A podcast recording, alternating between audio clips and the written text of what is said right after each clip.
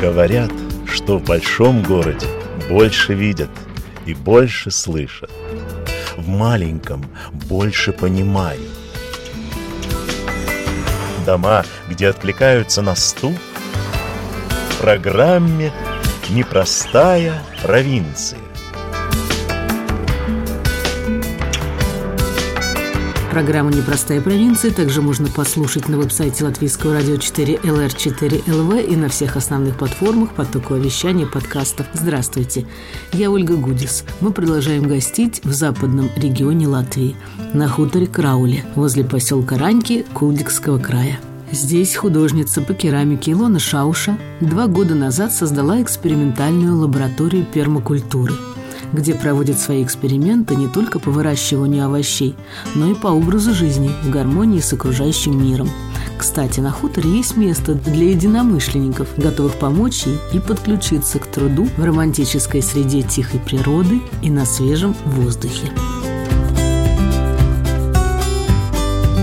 Я сначала сопротивлялась покупать такое большое имение. Думала, может быть, найду себе что-то поменьше. Но угу. я видела, что все участки, которые поменьше, они граничат с большими территориями, которые опрыскиваются, все такое. И я подумала, боже мой, тогда там уже будет воздух еще хуже, чем в городе, если там такой маленький да. островок, там пол гектара или гектара среди больших полей.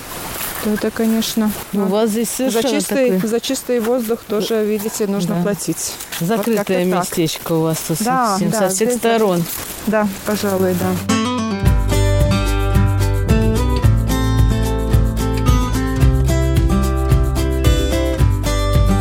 А сейчас мы продолжаем прогулку по лесосаду. Эту полянку для лесосада мне расчистили бобры. Видишь, тут огрызки. Там мне дрова. Этот материал трухлявый пошел мне на холмистые гряды. Я посадила здесь и вишню, кустарники, толковица растет. Тут фиговое дерево. Вот оно здесь перезимовало. А здесь ему не темно? Пока молодой, окей. Это растение няньки. Они его защищают от зноя, от холода, от пересыхания. Когда уж уже будет такой серьезный подросток, тогда нужно будет это очищать вокруг, да, Это уже где, давать им Ну, где вы свет. взяли его? Один из потенциальных соратников привез. Переносит холод наш. Ну, больше в приморском климате, но здесь вот посмотрим, как он приживется. Ну, наверное, инжира не дождаться. Этот, конечно, еще маленький, но через другой год они уже могли бы быть в почте для завязи. Но инжир, он такой интересный. Если ему летом завязывается плодик, но не поспевает, он продолжает соспевать в следующем году. Да? Как интересно. Вот, пожалуйста, вот бобры. Да, они у вас тут весь лес порубили. Одни пенечки. Слава богу, что они на эти огромные деревья не покусились. Пожалуй, да. Хотя мне вот там, где река, там они мне и большие свалились. Вот тут у меня боровики росли, тут у меня подосиновики сейчас нету. Сейчас тут какие-то вот эти, я не знаю. Не знаю тоже. В общем, мне тут хватает всяких разных грибов. А Надо же. Полянка вся была в боровиках. А там дальше был древний сад с времен Муйжаслайки. Это старые яблони. Очень старые высокорослые яблони, теперь таких уже нету. И в прошлом году у них был очень богатый урожай. И вся-вся земля, вот в этом участке, там большой такой довольно участок, Вся земля была усеяна яблоками так, что там земли не видно было. Красными, зелеными. И тут мне шли косули и зайчики. И они ели здесь эти маленькие яблочки. В мой огород не шли. Так что, если мы что-то садим, нам нужно понимать, что мы заняли то место, где уже кто-то жил до нас. И им здесь было питание, если мы им отбираем, им ничего не остается, как идти в наш сад и кушать. Им всем хватает. Не опасно босиком Ну, вам. Я вперед пойду тогда. А змеи вдруг здесь будет змея. Можете есть. Ужики? Ну, ужики, ла- ладно, а вдруг змея? Как вчера у меня была история с ужиком. Я тут копала в огороде и потревожила ужика. Этого года ужик такой Маленький. маленький, 20 сантиметров, может быть, примерно такого размера. Ну, не знаю, трудно так сказать. И, в общем, он там спал. Смотрю, он такой красивый, серенький, а глаза у него голубые. Голубые глаза светят, Саш. Наверное, это все-таки небо отражалось, но это было так красиво, что он такой серенький с голубыми глазами. И пока я его разглядывала, он то ли проснулся, то не знаю как. В общем, он заметил, что я его разглядываю, принял позу кобры и начал на меня Шипеть. А, ползти. Ползти, да. Ползти, даже не шипеть, а просто вот так нападать на меня. Ничего себе, не боится. Да, такого такой большого совсем мелкий. существа. Но отважный. Да, такой отважный. Я подумала, ну раз ты такой отважный, то тогда иди в мой огород с улитками, улитки поедать. В общем, пока он ползет на меня, я раз подставила под него лопату на пути, он наполз на эту лопату, и я его быстренько перенесла на свою грядку. Опустила его там на землю, и что вы думаете, он опять продолжает на меня наступление этот малюсенький. И вдруг он начинает извиваться. В чем дело? Оказывается, пока он нападал на меня, у него в хвост укусил лесной муравей. Ой, Но он теперь пытается освободиться от этого муравья, который его там кусает. Ну и никак. В общем, он залез там где-то потом в траву, чтобы, ну, как-то его стрясти. Такой вот герой. Пока он нападал на меня, тем временем его победил лесной муравей. Вот такая вот история.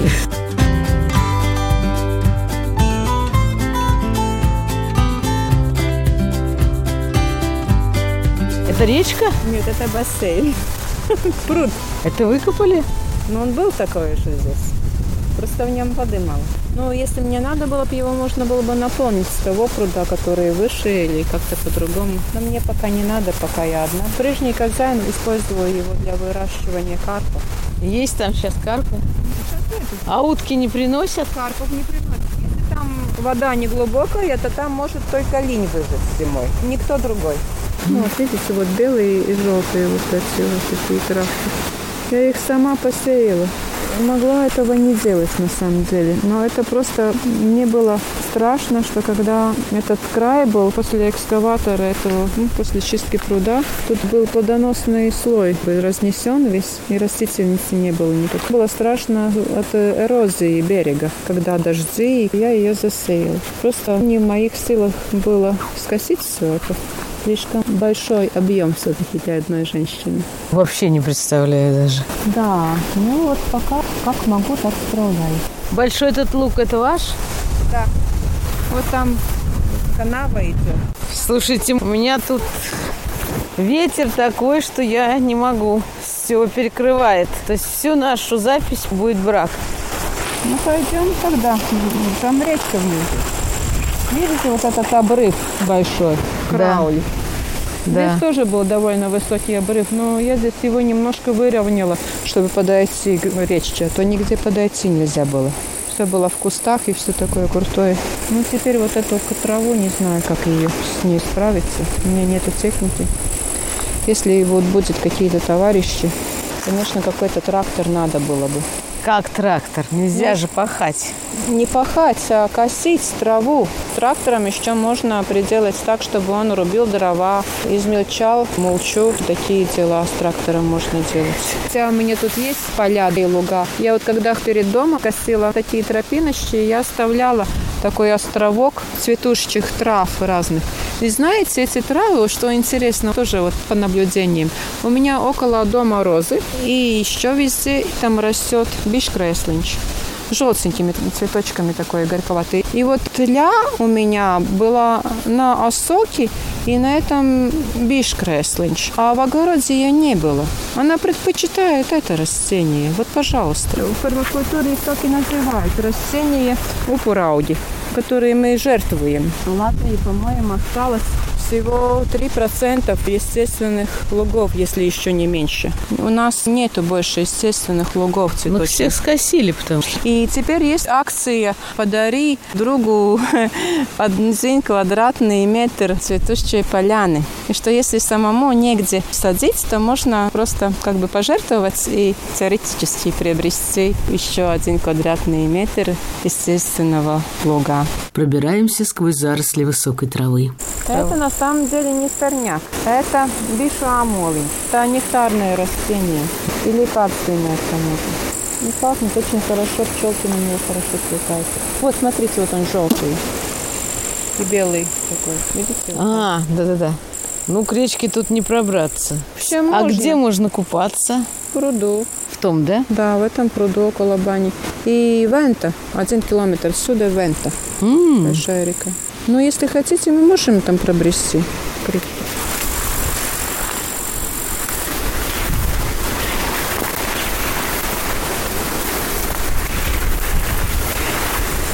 Ой-ой-ой. Ой. Что-то мы зря сюда пошли. Ой. Вот Ну, там дамба. Ага. Бобры построили, видите? Бобры построили? Да. Не видно? Вот деревья, там дальше, дальше. А, вижу, да-да-да-да. Запрудили они. Да, сейчас... Но речка такого интересного цвета. Зам- Там, наверное, глинистые. они везде коричневые, не так. Но она не коричневая, она как раз такая белая, как будто белая глина там внизу. известь. Может быть. Но она вот тихая стоит. Сейчас, да, но весной поднимается довольно-таки. Но берега тут вот такие высокие. Поэтому То есть мне Как, она... как называется? Энова. Энова. Энова, да. Потому Вот что это она в что-то. тени Да, берега. тенистые.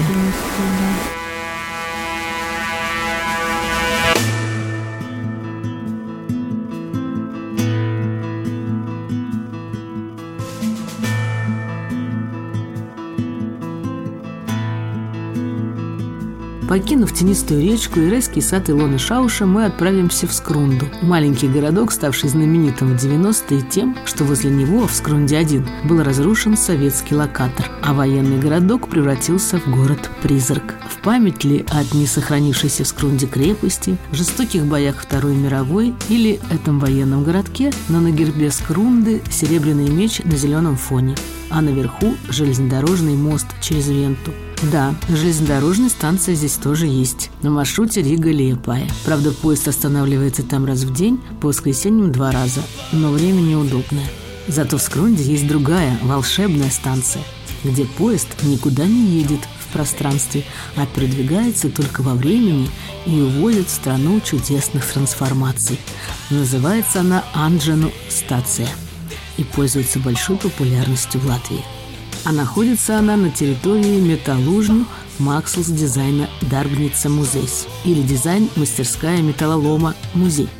Иду вдоль обычной улицы с частными домами, а территорию музея уже выдает красивый металлический забор. Вглубь участка по направлению к красивому дому ведет аллея музыкантов. На столбах фигурки, искусно сконструированы из каких-то бытовых металлических предметов. Хозяин Алтис Анджи – крупный человек с веселым детским лицом, в красной футболке и фуражке с красным верхом и серым околышем.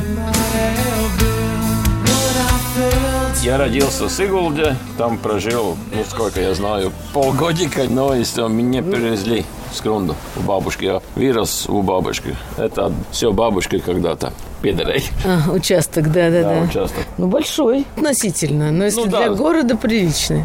Ну да. Здесь, когда начался этот сакас пармань лайка, Когда, когда кончилась советская власть. Слилась, да. Вот это и место, где сейчас Ну, это, подождите, сколько вам было лет, когда кончилась советская власть? 19-20 уже закончил школу советского времени. Ну, Сейчас вам 50 уже? 51. Ого, я думала.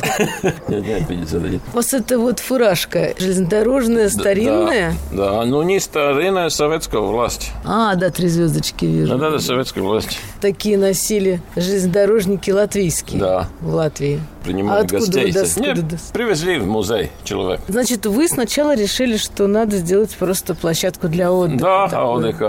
Сакартот вид. называется. М, Да, и все привести в порядок. Да.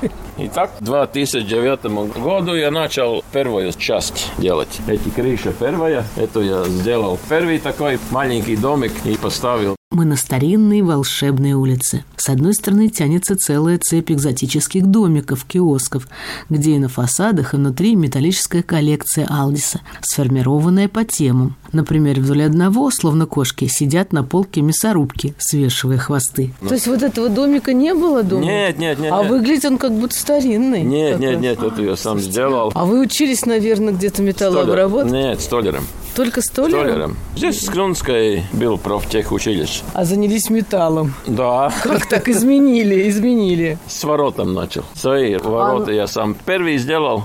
Металлические? Да, да, да, да, и потом... И понравилось, да, с да. металлом. В то время не было такое, надо самому делать было. Ну, не было денег так много, что фирме заказать эти ворота. Купил сварочный аппарат и материалы сделал сам. Так и начал. Ну, так и- сделал, и- и сделал этот- увлеклись, да? этот первый маленький домик. Поставил на стене всякие эти железа. Вот это вот красота, это такая железная инсталляция или панно такое металлическое. Это еще... Боже мой, это же из оружия. Да, и всех старые оружия. Из старого оружия пошло на так... А издалека я подумал, как красивые часы. Это, наверное, часы времени, да? Да, Которые примерно, да, да, измеряют да, да. наши войны. Отсчитывает время по нашим войнам.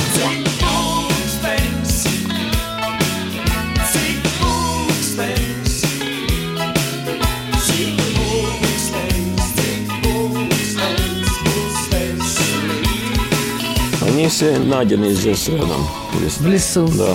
Я их порезал на Видно, куски. что и советские, и немецкие Да, да, и автоматы. французский. Даже французские. Да. Чешский. Я Гранаты. всех порезал, порезал на кусках, чтобы мне в тюрьму не посадили, так сказать. Ну, чтоб Не, не- Оризмонтов. да, нельзя было. Ну, их и так нельзя. э, Ну да, об этом использовать. законы. И Есть пули, законы, не можно дома пули. быть. Слушайте, Поэтому я с- срезал на кусках и обратно их сварил. Вот это вот, наверное, для этого годится, а не для убийства Ну людей, да, правда да, же? да, конечно. А здесь у вас уже все орудия труда. Да. Так Следующий бережно по домик стенке. уже сделал через год. Здесь все столярные инструменты. А вот а, ключи тоже какая красота. Тут надо приезжать, конечно, не на час. Ну да, здесь есть что смотреть. Сначала я все эти инструменты метина сварил. А сварил. Сварил, чтобы не украли. А потом сам дусмик спал, когда надо самому было что-то сделать, не могу больше его ну, снять. А потом я только То есть вот это крутил, вот... крутил с гайками и шурупами, чтобы и можно сам использовать, если надо. Беру от музея инструменты. А их можно еще использовать? Да, эти конечно, старые много инструменты? таких. Очень много. Какой вот сейчас не используется, а вот раньше был очень-очень такой классный. Ну, примерно эти сверлы, они ручные, очень легко идет дерево. Ага, вместо рек- Специально это резьба такая. Это дрель такая, да? Ну да, дрель. Ручная, ну здорово. Да. А металл хороший? Ну да, это же... Это же По сравнению даже с не- не современным. сравнить, даже не сравнить там и шведская металл, и российская, и нам самые лучшие металлы, что было в то время. Ой, а вот это что такое? Панкук тракторс. Панкука сделаете. Да. Блины. Длины. А, это старинная печка специальная? Она специально сделана. То есть это вы достали, не сами сделали? Не, печку я сделал, но это, это, ну... Ну, это ну, да. Вот Эти фигурки интересные из металла. Но это дизайн такой действительно настоящий. А кто-то вам предлагает что-то у себя сделать? Есть Да, но заказ? мало. Есть? Мало? С другой стороны улицы настоящая старинная станция в миниатюре с крышей, а под ней локомотив с вагоном. Локомотив я делал как кухня и поставил на редуктор, чтобы дети на них можно ехать. Просто. Это с детской железной дороги, да? От детской железной дороги. Нет, не сам я сделал. Сам весь вот этот вагон? Да, да, но это кухня. Я делал как кухня, но только что выглядело как локомотив. Ничего себе! Здесь мы суп варим группам, солянку, это не традициональный. И здесь можно копчить. Это у паровоза И даже такой когда надо впереди блин, такой. блины так, тогда я и- их здесь поставлю на металлические контейнеры, чтобы они теплые были. Если автобусом 40 человек, надо мне порцию каждому сделать. Мне 8 часов надо начать раньше. Рецепт.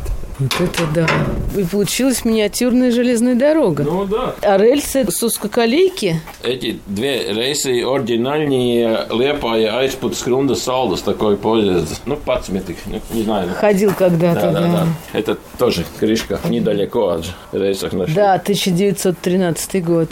А что это за крышка, от Э, чего? Это ританем Элешин. Для смазывания колес. Да, да, да, да, там крышка это здесь масло, под, ну, легче заливает. Старинные фонари. Ну, в общем, сказочный городок тут у вас. Невероятно. надо вагон было сделать. Ви, Вагончик. вип-ложа, как месяц. Со старыми чемоданами Ну внутри. да, для фотосессий.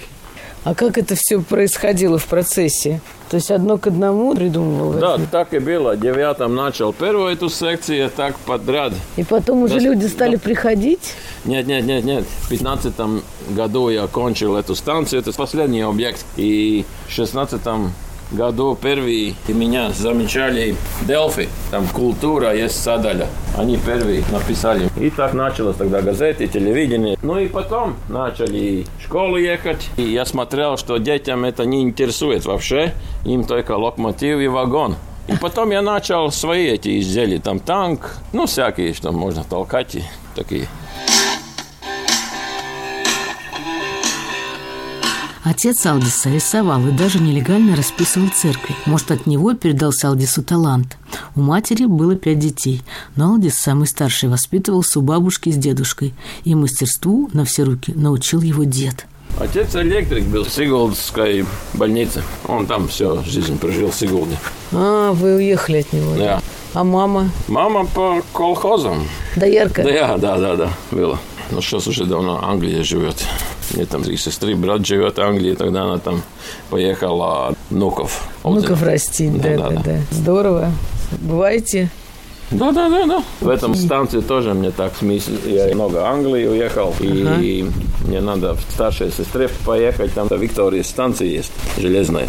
И там такой модель, там круглые такие на арках и дизайн. Но только тысячу раз меньше. То есть это маленькая модель английской станции. Да, да, да. Не да, да. латвийская, а именно Да, да, да, английская. да. Поэтому эта будка телефонную я сделал тоже английская. Английская по чертежам. Ну, оригинальные чертежи. Только ветер был, двери поломал. И почтовый ящик там есть английский тоже. Господи, и немецкая каска. Здесь у вас прям такое, как бы, Всякое. Немецкое, русское. Лампу сделал на русской каске. лампу. А как пришло, что стали еще и фигурки такие делать? Ну, детям, что было тогда школа, когда ехали, я поставил в номерах на своих экспонатов, они рисуют, и потом какую-то балву. Ну, так, чтобы интересно было. Так вы сам строитель, у вас строительная фирма. Больше нет, но я одиночка строитель сейчас остался. Раньше была бригада, да. А что делали? Ну, всякие ремонты. От памата до потолка. Ну, все. Начался ковид, этот дом построил один. А Мы будем гости принимать. Там автобус что сделает, тоже как кемпинги. То есть вы теперь будете только здесь, в своем доме, как музей? вот ну этим да, заниматься? принципа, да. Надо, надо. Я и и ремонты делаю, что в Скрунде тоже, но так не можно. Ну нет так, что каждый день есть полностью. Человек и музей а каждый нет не полный. Мне надо что-то еще тоже делать, не, не могу я так. Такой уровень нет, что было каждый день. И зимой вообще плохо там.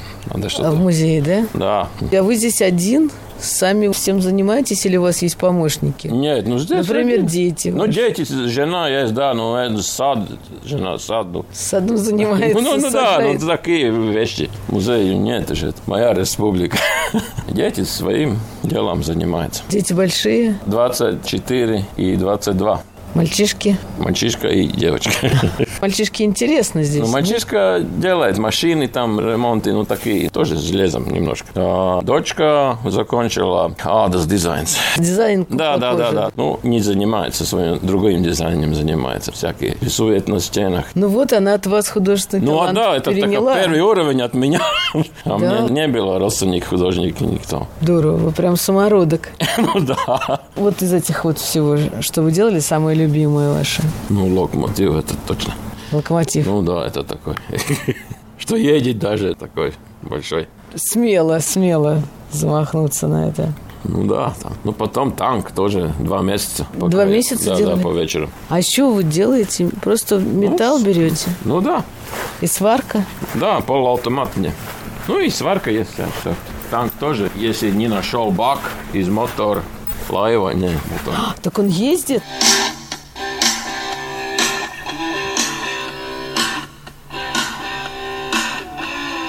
Здесь у вас что, прям в погреб можно пройти? Нет, это уже от бабушки. Старая капка. Коптильня? Да, там дрова, плиты, сверстки. О, а коптите что-то? Да, да, да. Мясо, рыба. А оленьи рога это ваши? Нет, это... Опа, отстал. Дедушкина. Да-да-да. Он был охотник, да? Да, да. Ой, ну здесь прям какой-то милитаристский кусок. Ну да, Какая-то пушка сейчас актуальна. этот редуктор из путотājs. Kvēdienas puto virtuvē. Пену делал, При, что при, такое? принципā, это мясорубка. Я одна школа подарила старую в советское время мясорубку. А, как здорово. Это трактор из мясорубки. Но ему еще шел этот редуктор, где пелек. Var saldos ēdienas putot, ну, блендер. Блендер, да? Ну Да, такой, только большой. Ну да, большой, да. А танку я нашел эту бак. Мотор Лайус. Двигатель двигатель из Из лодки. Из лодки, да. Стрела была написана по-русски синий такой мотор. Здесь бак наливали бензин, а здесь стартер был. И он ездит? Не, он так. Я думаю, он работающий. Ну, ну, ну, ну, он так что. как- Просто вы использовали форму. Да, да, да. Я потом думал, надо танк делать. Значит, Танк делал ш- американский Шерман. Это проще по формам. Ну, классный, слушайте, прям как настоящий. Если так сфотографировать и поставить в поле, то можно принять за настоящий, Ну да. правда? Использовать вот эти для пано металлические всякие. Красиво. Да. А где вы все это делаете? А рядом гараж, здесь, рядом. Мастерская, да?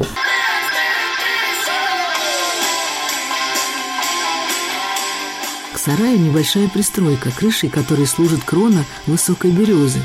В ней тоже старинные металлические орудия труда. Эти первый дизайн, что я... Все началось когда-то в 90-х годах. Мы с женой ехали экскурсии где-то вместе Польше покушать останавливались. А там на улице было тоже так, 3 метра стена такая с крышкой.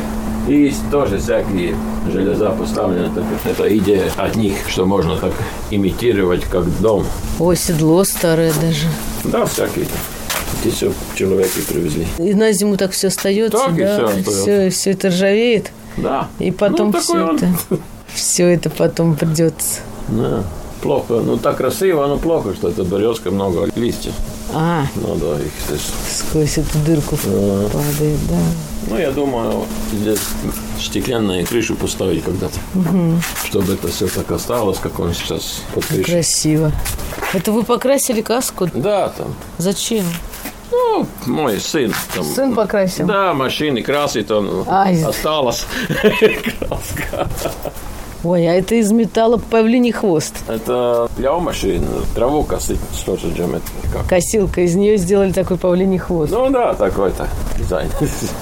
Ой, вот этот какой красавец. Это большой человек-скамейка в металлических сапогах и с зонтиком, не спасающим от дождя, а есть только спицы. Здесь я проверял себе, что сапоги из металла сделать. Ух ты. Делал сапоги, потом думаю, что дальше, ну, повешал. Это ваш фирменный знак? Да, да, да, это мой. А, а, да? Аже, да. Аже. Это скамейка для путешественников?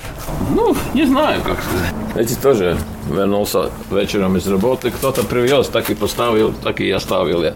Очень хорошо всё смотрится. А, чемодан кто-то поставил? Чемодан и это тоже. Костыль.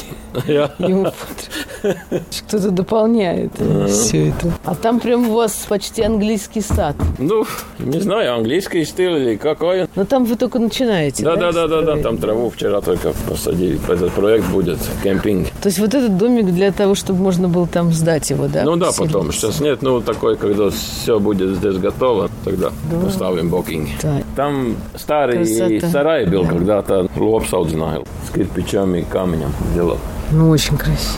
Айна Свирга я сделал, Музыкант. да. Какую музыку слушаете? Рок, Ну, понятно тогда, да. Понятно. рок, металл. И вот этот дом сами строили? Обстроил там старый из бабушки дом, полтора этажный такой. И вот эту решетку. Да-да-да-да, это все. Такой прям дворец. С этой стороны, да, так видно.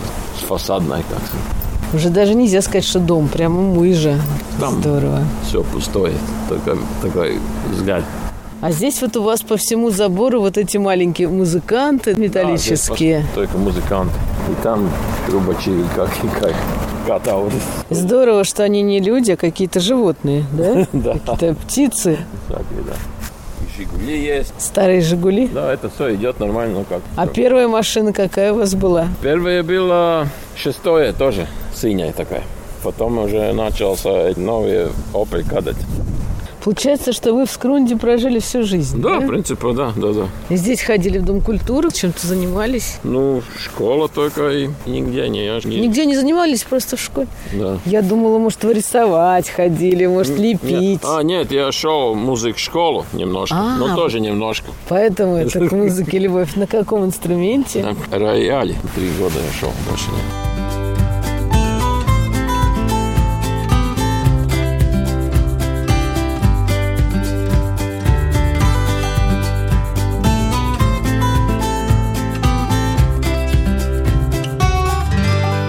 Сегодня на хуторе Краули вместе с художницей Илоной Шаушей мы гуляли по ее лесосаду вдоль высокого берега речки Эновы.